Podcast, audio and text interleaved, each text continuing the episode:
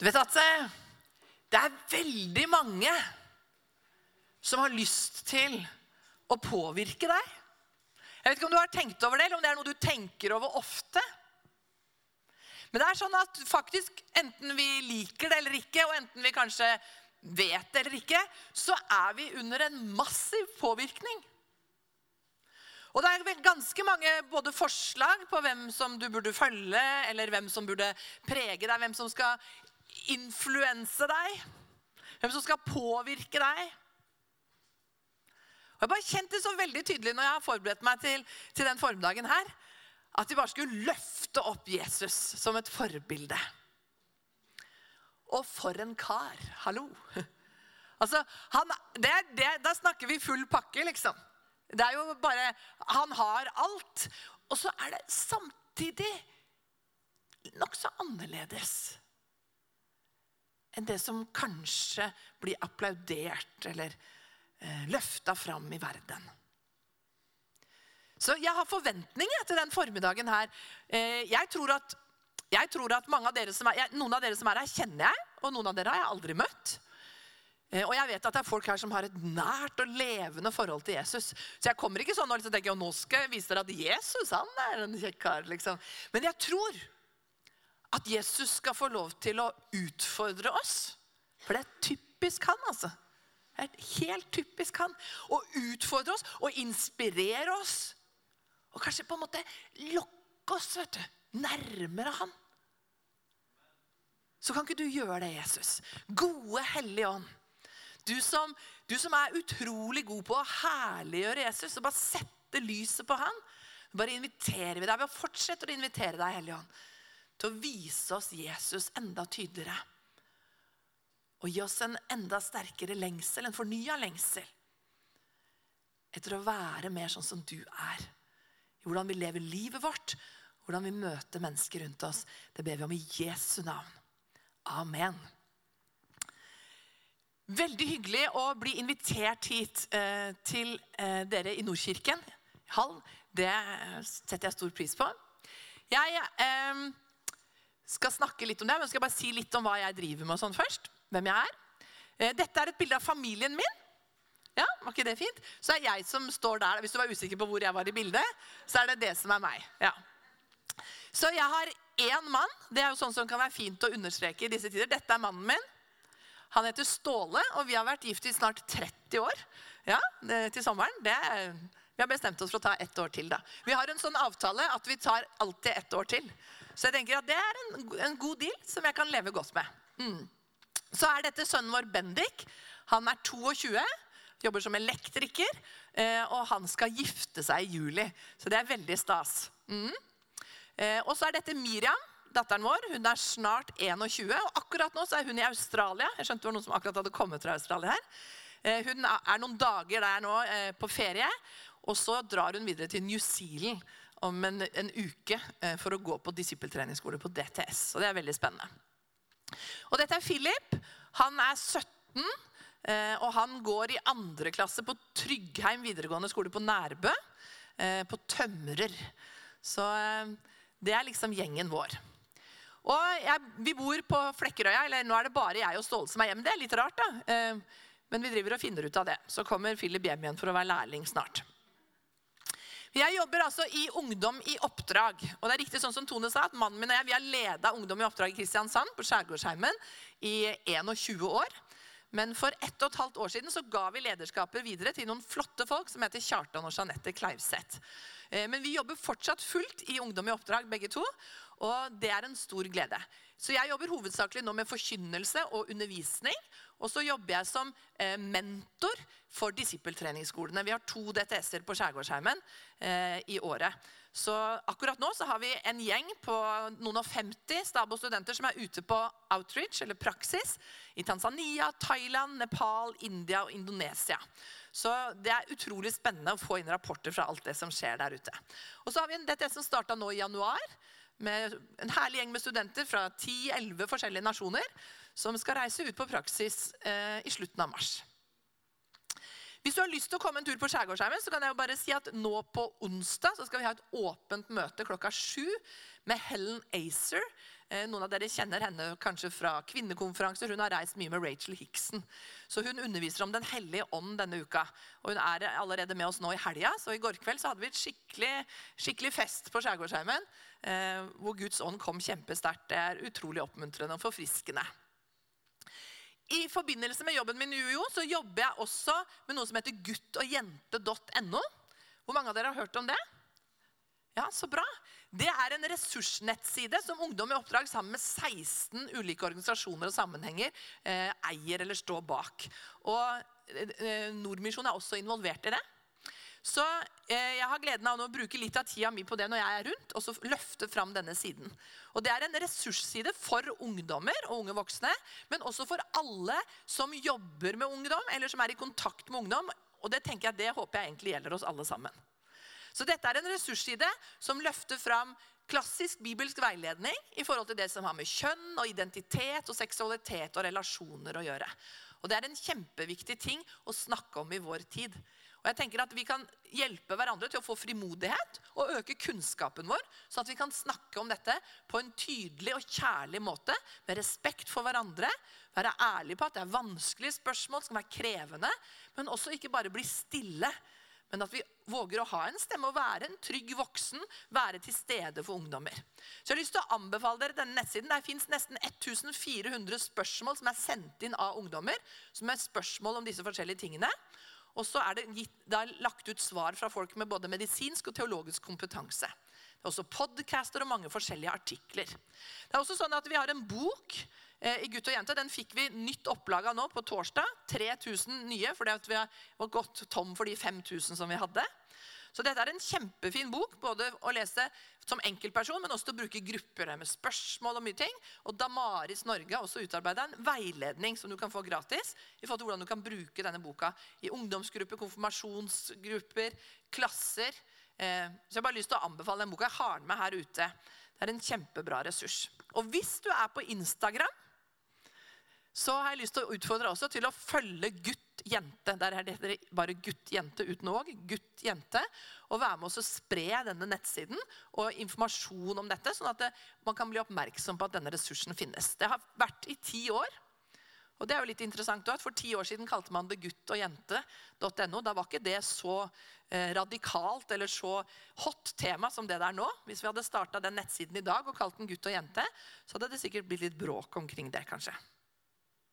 Jeg tror det er kjempeviktig at vi eh, hjelper hverandre til å bli trygge til å snakke om disse tingene og være ærlige om hvilke spørsmål og tanker vi har rundt det.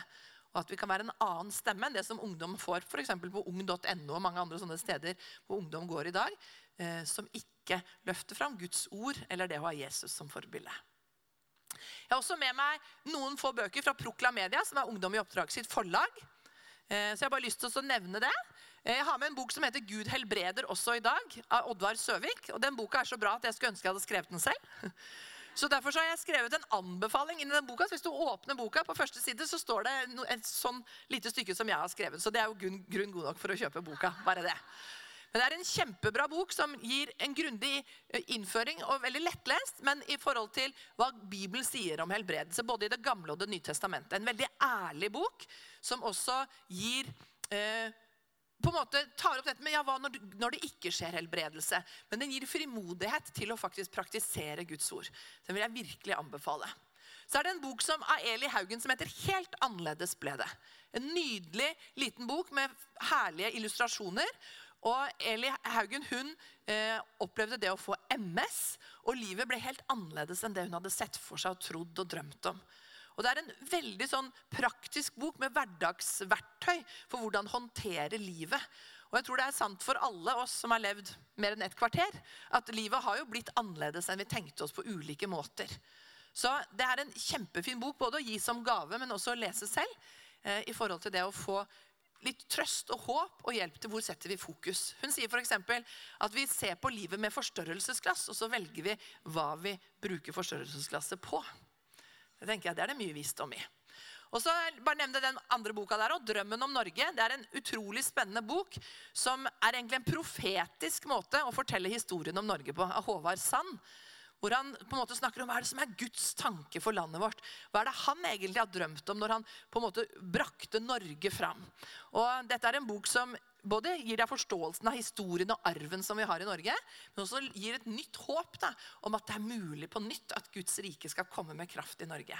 Eh, bare lyst til å anbefale det. Så jeg har noen bøker der ute på bordet, så eh, vil anbefale deg å ta en titt der etterpå. Og så er det også sånn at Hvis du kjøper en bok av meg, så er det også med å støtte oss som familie i Ungdom i oppdrag, fordi jeg får en andel av hver bok jeg selger. Jesus som forbilde. Jeg vet ikke om du er sånn at du har liksom tenkt helt klart på hvem er ditt forbilde. Er det på en måte Jeg tenker ikke sånn nødvendigvis at du har en plakat på veggen hjemme. Kanskje har du det. Men hvem er det du ønsker å være lik? Hvem er det du ønsker skal prege hvordan du tenker? Hva du gjør, hvem du er? Og Jeg ber en bønn til Gud eh, så godt som hver eneste dag. Så ber jeg sånn her Kjære Gud, la meg tenke mer og mer sånn som du tenker. La meg se mer og mer det som du ser. La meg høre hva du sier, og gjøre det samme som deg. Og Det er en bønn som, som jeg tror er viktig for meg å be. Og jeg har lyst til å oppmuntre deg til å be den samme bønnen. Fordi at vi trenger å bli forma mer og mer lik han. Jeg tenker at I den tida som vi lever, så blir det bare viktigere og viktigere å slippe Jesus til. Og så slår det meg hvor fantastisk annerledes Jesus er. Hvor forfriskende annerledes han er. Hvor full han er av alt det som er sant, og alt det som er godt. Og så, Når jeg har forberedt meg til det, så har jeg på en måte blitt stående fast ved tre ting. Eller tre sånn ordpar, eller hva vi skal kalle det, om hvem Jesus er. Som jeg har lyst til å si litt om de neste minuttene. Fordi Jesus han var full av nåde og sannhet. Han var full av nåde og sannhet. Og det var faktisk sånn at folk elska å være rundt Jesus. Har du tenkt over det? Når du leser i Bibelen, så kan du se hvordan toller og syndere de, de hang rundt Jesus. liksom. Det står f.eks. I, i Lukas 15,1 i Lukas 15,1 så står det alle tollerne og synderne holdt seg nær til Jesus for å høre ham. Det er jo interessant. Altså Tollerne og synderne det var jo de som ikke fiksa livet. egentlig, De som ikke levde helt sånn som egentlig Jesus utfordra til å leve. Og det var jo ikke det at Jesus var utydelig. Det var ikke sånn at de var i tvil om hva budskapet hans var. Nei, i Markus 1,22 f.eks. I Markus 1,22 så står det han talte med myndighet. Ikke som de skriftlærde. Så det var ikke sånn diffust prat. Det var ikke sånn at det ikke var kraft eller autoritet i det han sa. Nei, folk ble slått av hans lære, står det. Så det var ikke noe sånn der mellom fingrene. på en måte. Alle var slått av undring over hans lære. Og Det er en litt interessant kombinasjon. da. Fordi at Vi kan jo fort få høre det i dag at nei, vi må dempe oss litt, eller vi må ikke være så tydelige. Men Jesus han var full av nåde og sannhet. Og han er mitt forbilde. Han er vårt forbilde. Hvordan var det mulig at de som på en måte egentlig fort kunne ha plukka opp skam eller avvisning eller det å ikke være god nok at de bare elska å være rundt Jesus. De holdt seg nær, for de, skulle, de ville høre ham. Så det var ikke bare liksom, at det er god stemning eller atmosfæren er fin. Nei, de ville høre ham. Det som var hjertet hans, det som var budskapet hans, det ønska de å få med seg. Det står i Johannes 1,14. I Johannes 1,14 så står det 'Ordet ble menneske'. Ordet ble menneske og tok bolig iblant oss, og vi så hans herlighet. En herlighet som den enbårne sønn har fra sin far, full av nåde og sannhet. Så ordet ble menneske. Guds ord, det som han sier, det som er hans sannhet, hans evige ord, ble menneske. Altså Jesus. Så Jesus er Guds ord. Og så står det at han viste oss sin herlighet. Herlighet, det betyr jo tenker jeg, alt det som var bra, det som stråler, det som bare Yes! Og den herligheten, den hadde han fra far.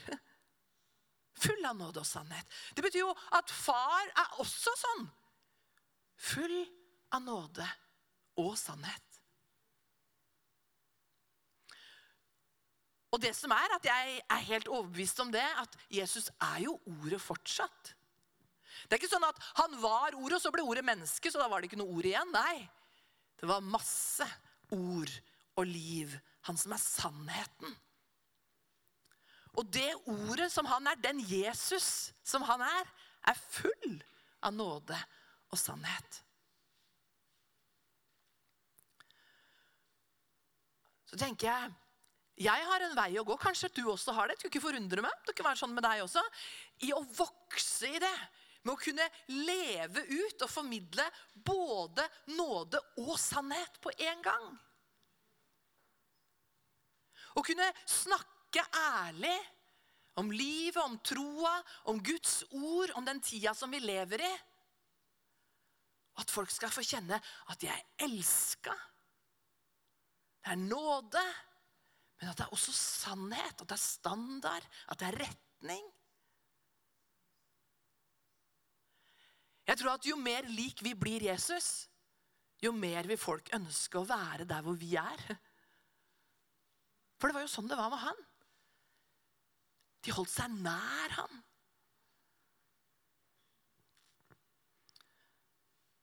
Og så tror jeg det, at hvis vi virkelig vokser i det å elske mennesker, det å være neste, sånn som de skulle snakke om på søndagsskolen i dag, så vil folk tåle å høre sannheten. Hvis vi vokser i det å elske, sånn at vi egentlig håper å si, bærer hjertet utapå. Så det er helt liksom opplagt for alle at det er nåde nok, det er kjærlighet i overflod. Så vil folk også tåle å høre sannheten. I Efeserne 4,15 Efeserne 4,15 så står det vi skal være tro mot sannheten i kjærlighet og i ett og alt vokse opp til Han som er hodet, Kristus. Han som er forbildet, han vi strekker oss etter. I ett og alt. Ikke sånn ja, kanskje dette, men ikke dette. Kanskje na. Nei. Full pakke. Det er Guds ord sin utfordring og invitasjon til oss, tenker jeg. I ett og alt vokse opp til Han som er hodet, Han som er forbildet. Kristus. Hvordan skal vi gjøre det? Jo, ved å være sannheten tro i kjærlighet, står det.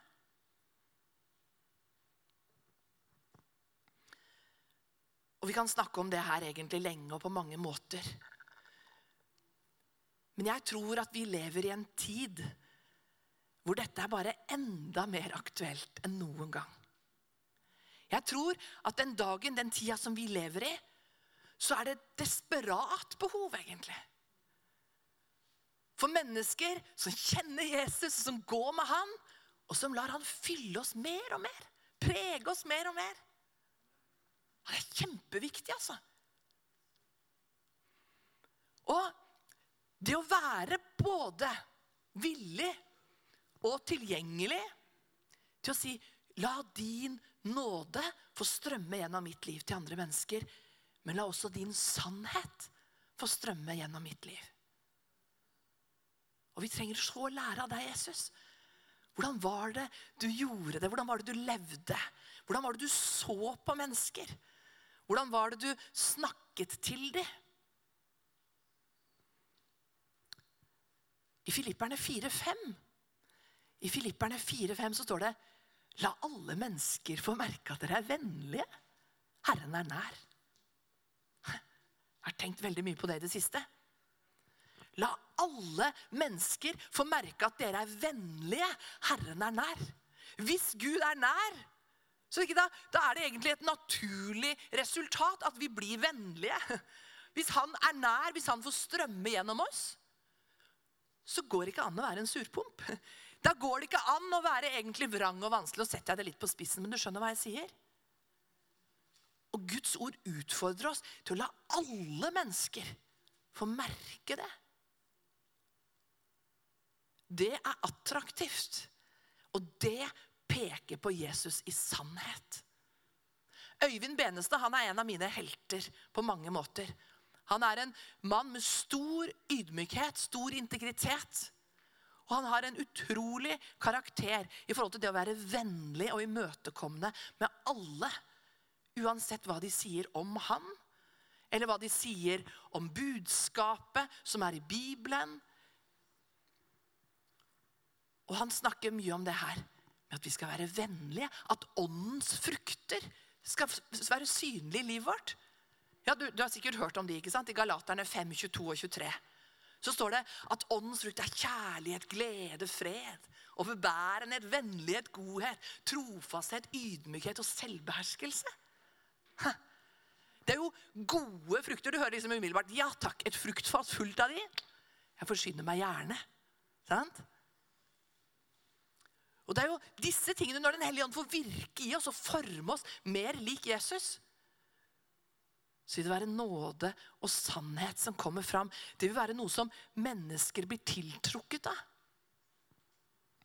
Og så kan det være litt ubehagelig kanskje å tenke over, men hvis det er sånn at mennesker ikke har lyst til å holde seg nær til meg, eller holde seg nær til deg eller oss som kirke, oss som menighet Kanskje har det noe å gjøre med at vi ikke ligner så mye på Jesus.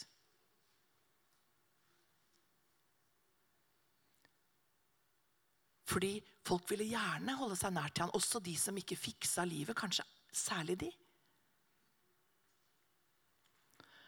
Og så er det så utrolig viktig å ha både nåde og sannhet. For hvis det bare er nåde, forstå meg rett, så kan det bli nesten litt sånn tannløst eller billig. Eller bare sånn Ja, men alt er jo bare nåde uansett. Og hvis det bare er sannhet, så kan det bli for hardt.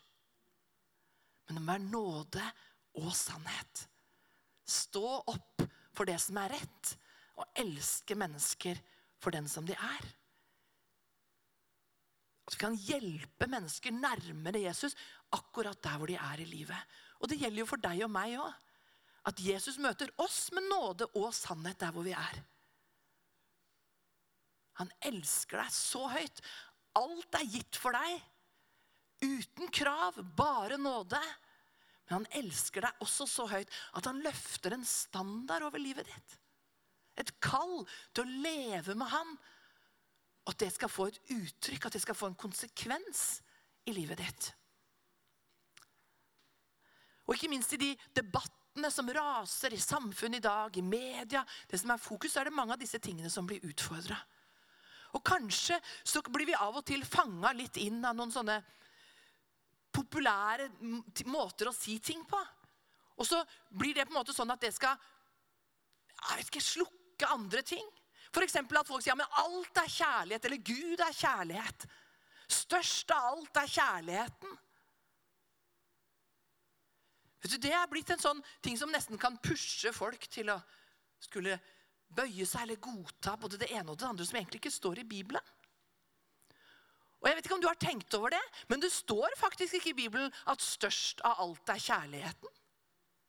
Men det står i 1. Korinterbrev 13 at så blir de stående, disse tre. Tro, håp og kjærlighet. Og størst blant dem er kjærligheten. Altså størst blant tro, håp og kjærlighet. Og kjærligheten er den eneste som skal vare videre. sant? I himmelen trenger vi ikke tro og håp lenger. Da er det bare kjærligheten. Så størst blant dem er kjærligheten. Så å bruke kjærlighet som en brekkstang eller som et argument for å degradere sannhet i Guds ord, det tror jeg ikke er noe som ærer Gud eller Hans ord.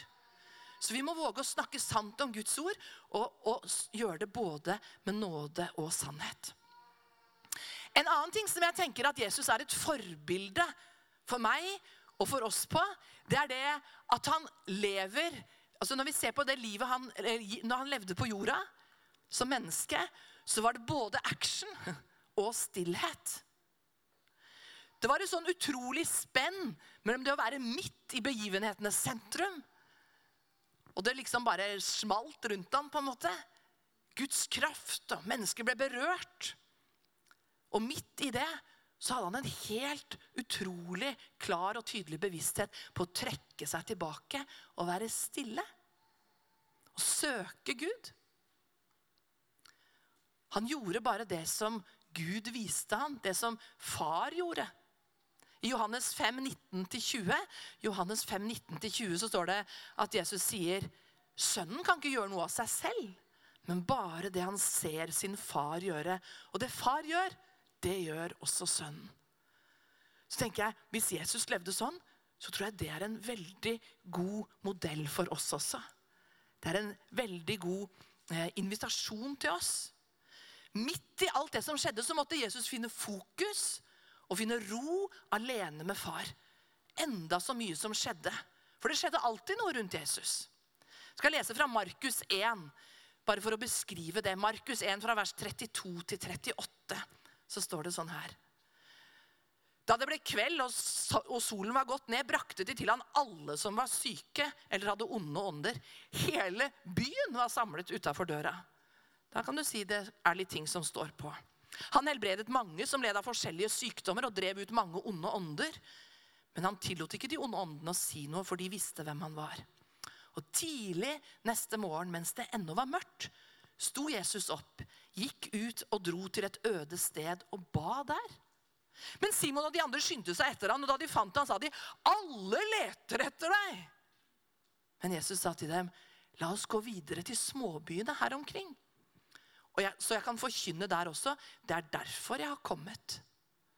Så, så Jesus han ble ikke styrt av begivenhetene eller forventningene. Alle leter etter deg. Det var jo vekkelse, det var masse som skjedde. Han var midt i action. Men så visste han at han måtte også velge stillhet for å ikke spore av. Og det tenker jeg at det er Jesus et kjempegodt forbilde for oss på. At vi stadig må trekke oss tilbake, bruke tid aleine sammen med far. Sånn at vi kan høre han, vokse i og kjenne han mer og mer. Og gå i de ferdiglagte gjerningene som han har lagt for at vi skulle vandre i de. Og ikke bare bli styrt av menneskers forventninger eller de behovene som finnes, men at vi gjør det som han eh, kaller oss til å gjøre. Apostlenes gjerninger 1038 Apostlenes gjerninger 10.38 så står det Jesus fra Nasaret ble salvet av Gud med hellig ånd og kraft. Og Han gikk omkring overalt og gjorde vel og helbredet alle som var underkuet av djevelen, for Gud var med ham. Og Det å gå i Guds kraft, være salvet av Den hellige ånd og gjøre godt overalt, det er det Jesus kaller oss til også. Det er vårt kall fortsatt i dag i 2023. Sant? Og Så kan vi få også være med og strekke ut en hånd til mennesker. At de kan få oppleve helbredelse og Guds berøring midt i livet. At de kan bli satt fri fra mørkets krefter som vil holde mennesker nede. Action. Sant? At Guds ånd virker, at Guds rike kommer nær. Men det henger helt eh, uatskillelig sammen med at vi også er stille sammen med Gud. At vi stiller hjertet og tankene og livet vårt til ro hos Han. Og da blir Det sånn at det kan bli en helt sånn naturlig dynamikk, en helt naturlig balanse, tror jeg. Jeg sa det at Vi har team ute på outreach akkurat nå. Et av teamene som vi har sendt ut, de er i Tanzania. Og Nå er det vel eh, ca. to uker siden. Så hadde de en fridag. Og så var de bare av gårde et sted og skulle liksom hygge seg, ha litt fritid. Og så møtte de ei dame eh, som var 60 år. Hun var muslim. Og hun var født lam, så hun satt i rullestol. Hun hadde aldri gått i hele sitt liv. Og Så begynte teamet å snakke med henne. Eh, det var jo fridag, men de bare snakka med henne. De var sammen med henne og fikk hjerte for henne. Og så spurte de om de fikk lov å be for henne. Og det var hun åpen for. Og Så la de hendene på henne og ba om at Guds kraft skulle komme. Og så reiste den dama seg opp fra rullestolen og gikk for første gang i sitt liv. Ja, Halleluja! Hæ? Det er jo helt fantastisk. Og Hun ble jo selvfølgelig veldig sterkt berørt av Guds kjærlighet og Guds kraft. Så hun tok imot Jesus som frelser. Og så sa hun at når jeg kommer hjem, så skal jeg kaste alle hijabene mine. Og så når det her skjedde, så begynte jo folk å stimle sammen da, rundt teamet. Og da begynte de å forkynne evangeliet til alle som kom. Og Så fikk de gode samtaler, og de fikk be med flere. Og de så tre mennesker til bli helbreda, og to muslimer til ta imot Jesus som frelser. Er ikke det fantastisk? Vi skal få lov til å leve i en naturlig relasjon med han. Og både action og hvile, både at Guds rike kommer med kraft, og det at vi søker han i stillhet, jeg tror at det henger helt uatskillelig sammen. Og sånn levde Jesus. Og Hvis han gjorde det, så tenker jeg, da trenger også vi å gjøre det. Og så tror jeg at action og liv og det som vi ønsker skal liksom strømme fram, da, det må komme ut fra stillhet. Det må på en måte være den retningen. Det må ikke være sånn at stillhet kommer ut av action, for til slutt er det bare helt pumpa, ikke noe igjen. Nå var det bare bo. Bom stopp. liksom, Nå må jeg være stille. Nei, andre veien rundt. Vi må leve fra Gud, ikke for Gud. Ut fra Han. Ikke bare gjøre masse ting for Gud. Som jeg nevnte, så har vi besøk av Helen Acer på Skjærgårdsheimen. og I går kveld så tolka jeg henne, og da fortalte hun en historie eh, om noen av de som de samarbeider med i Ukraina. Og en, eh, Hun jobber med noe som heter Heart Cry for, Heart Cry for Change. Og de har eh, vært med å hjelpe inn eh, med forskjellig eh, mat og ulike ting inn i den situasjonen som er med krigen nå. Og i Mariupol så er det en dame som de jobber sammen med. Og hun hadde kjent at Gud hadde lagt på hjertet hennes at hun skulle ikke reise vekk fra Ukraina, men hun skulle være der og gjøre det hun kunne. Det hadde hun kjent at Gud la på hjertet hennes. Og en av de tingene som hun kan, det er å lage mat. Så da hadde hun tenkt jeg skal lage mat, sånn at folk kan komme til meg og spise. Og da hadde hun tenkt hva har jeg? Jo, hun hadde noen få urter. Og så hadde hun 500 gram med pasta. Så hun kokte det, og så lagde hun mat. Så ba hun Gud om å velsigne den maten. Og alle som kom til huset, fikk spise. Og Det eneste hun sa, var du kan spise så mye du vil, så mye du trenger, men før du spiser, så må du be om at det skal være nok til den som også kommer etter deg. Og det gjorde alle. Og i ti dager så kom og gikk det folk i huset, og alle spiste og ble mette. Og det gikk ikke tom for mat. Og så etter ti dager kom det nye forsyninger. Så da var maten brukt opp. Jeg vet ikke hva du tenker når du hører det. Er det mulig? Går det an? Ja, Det står om det i Bibelen også. sant? Guds kraft kan komme og møte behov. Og så trenger vi å starte der i stillhet hos Gud. Det kan vi se at det var sånn Jesus levde. Og det er mange eksempler i dag iblant oss og rundt oss. sant? Jeg tror at det er et kjempeviktig, en kjempeviktig ting i det å ha Jesus som forbilde. Det er så lett å bli tatt av travelhet. Det er så lett at livet bare skjer, og at dagen tar oss. Men du må bruke tida di og velge å trekke deg tilbake. Altså tenk, Jesus gjorde et helt rått valg. egentlig. Midt i vekkelsen, midt i at liksom, hele byen var utenfor døra hans. Så sniker han seg av gårde vet du, det, mens det enda er mørkt, for å være aleine med Gud. Og det hjelper han å ta riktige valg. Jeg tenker at det trenger vi. Og Det siste som jeg har lyst til å si, det er at jeg har tenkt på at Gud vil utfordre oss på at Jesus må være vårt forbilde i forhold til å være både sterk og sårbar. Både sterk og sårbar. Vi kan se Jesus sin styrke på mange forskjellige måter. Hvordan han sto opp og gjorde ting. ikke sant? Hvordan han renset tempelet. Hvordan han irettesatte Peter når Peter var helt på feil jorde. Hvordan han talte med myndighet. Hvordan han drev ut demoner. Hvordan han overvant døden. Han var sterk, men samtidig så var han utrolig sårbar. Sant? Han eksponerte seg for vennene sine, for disiplene, og viste hva han tenkte, hva han følte. Når han var på vei til korset sant? i Getsemane, så svettet han blod. Det sier noe om hvor desperat han var. Det er faktisk en fysisk, en fysiologisk mulighet at man kan skille ut blodstråper gjennom huden når man er under et ekstremt høyt press. Han ba disiplene om forbønn. Du kan lese om det i Markus 14. så står det at han, han, han sier at han blir grepet av angst og gru. Min sjel er tynget i døden av sorg. Så utfordrer han dem til å, til å be for ham. Han viser på en måte svakhet, eller hva vi skal si. Han viser at han trenger at de står med, med ham. Men midt i den kampen så er han likevel overgitt til Guds vilje. Han sier, 'Om det er mulig, Gud, la denne timen gå meg forbi.' Men ikke som jeg vil, bare som du vil. Han er dønn ærlig på hvor han er. Men han gir seg allikevel over til Guds vilje og ikke til sine egne følelser, ønsker, behov eller frykt. Men Jesus er altså veldig tydelig på både styrke og sårbarhet, tenker jeg. Og det er noe som jeg tror vi som menighet og som kristne, både som enkeltpersoner og som fellesskap, trenger å vokse i. Jeg vet ikke hva du tenker. Men det å våge å være tydelig på styrke, tydelig på å bruke gaver og stå fram, men også være tydelig på at vi er ikke verdensmestere. Jesus var jo på en måte mesteren, så det blir litt sånn. men jeg har bare tenkt så på det når jeg forberedte meg.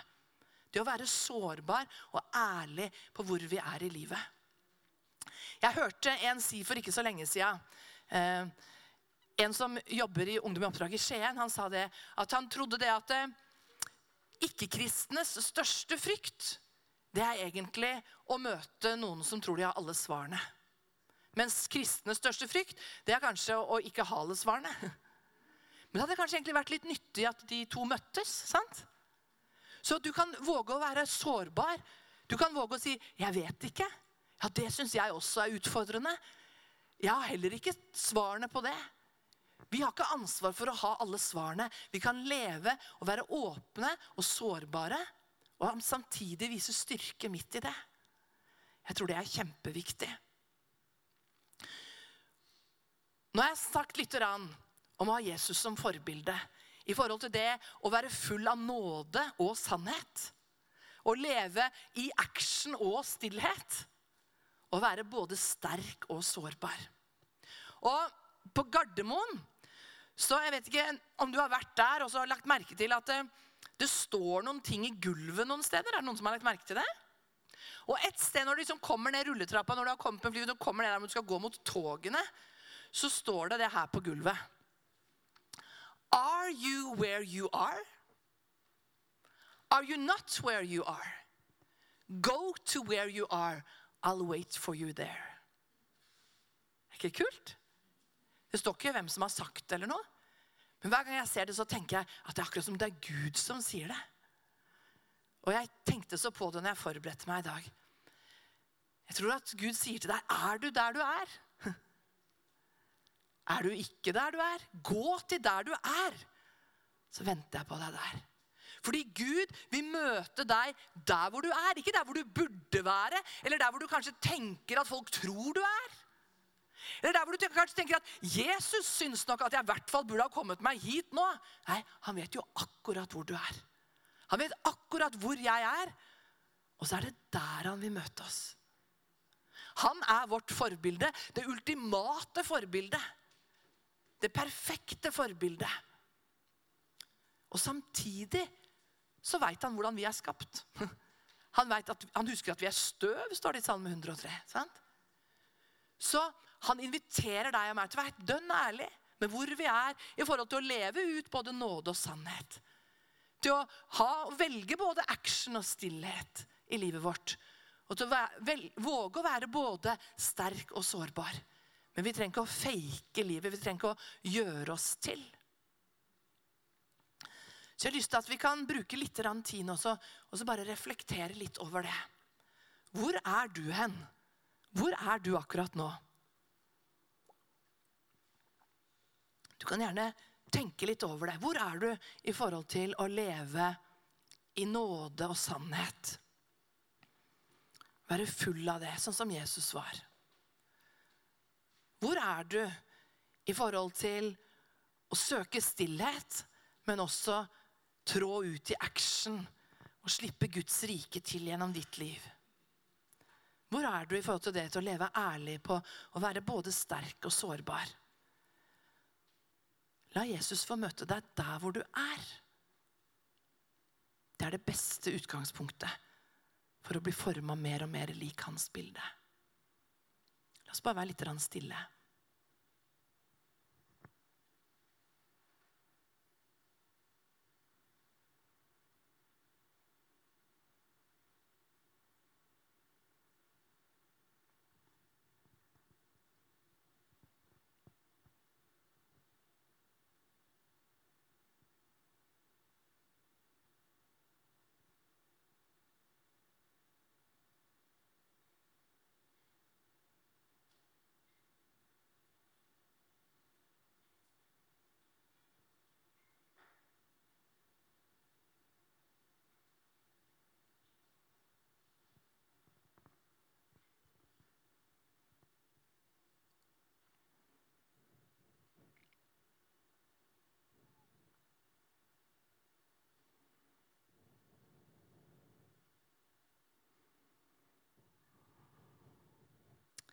Jesus, jeg takker deg for at du møter oss akkurat sånn som du er. Og du er full av nåde og sannhet. Så jeg takker deg for at du møter oss uten snev av fordømmelse. Men du bare øser din nåde utover oss. Og samtidig så er du sann. Og du veit akkurat hvem vi er, og hvor vi er.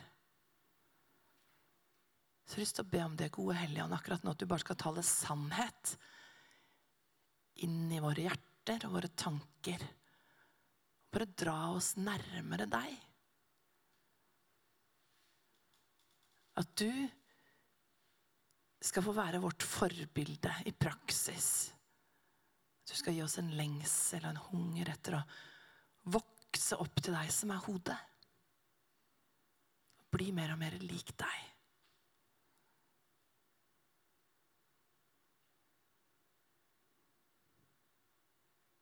For at du skal sette ditt gode sannhetslys på våre liv. Vise oss eh, hvordan kan vi vokse i det å søke deg i stillhet? Hvordan kan vi vokse i det å trå ut og være midt i det som du gjør? Hvordan kan vi vokse i å vise vår styrke?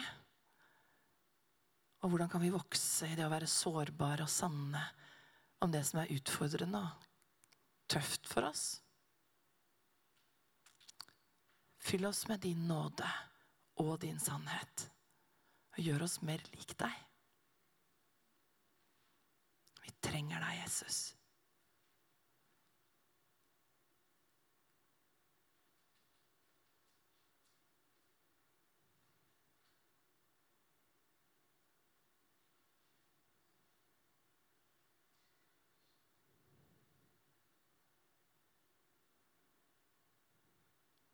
Så tror jeg at Gud sier sånn her Det er bra at du trenger meg. Det er rett at du trenger meg.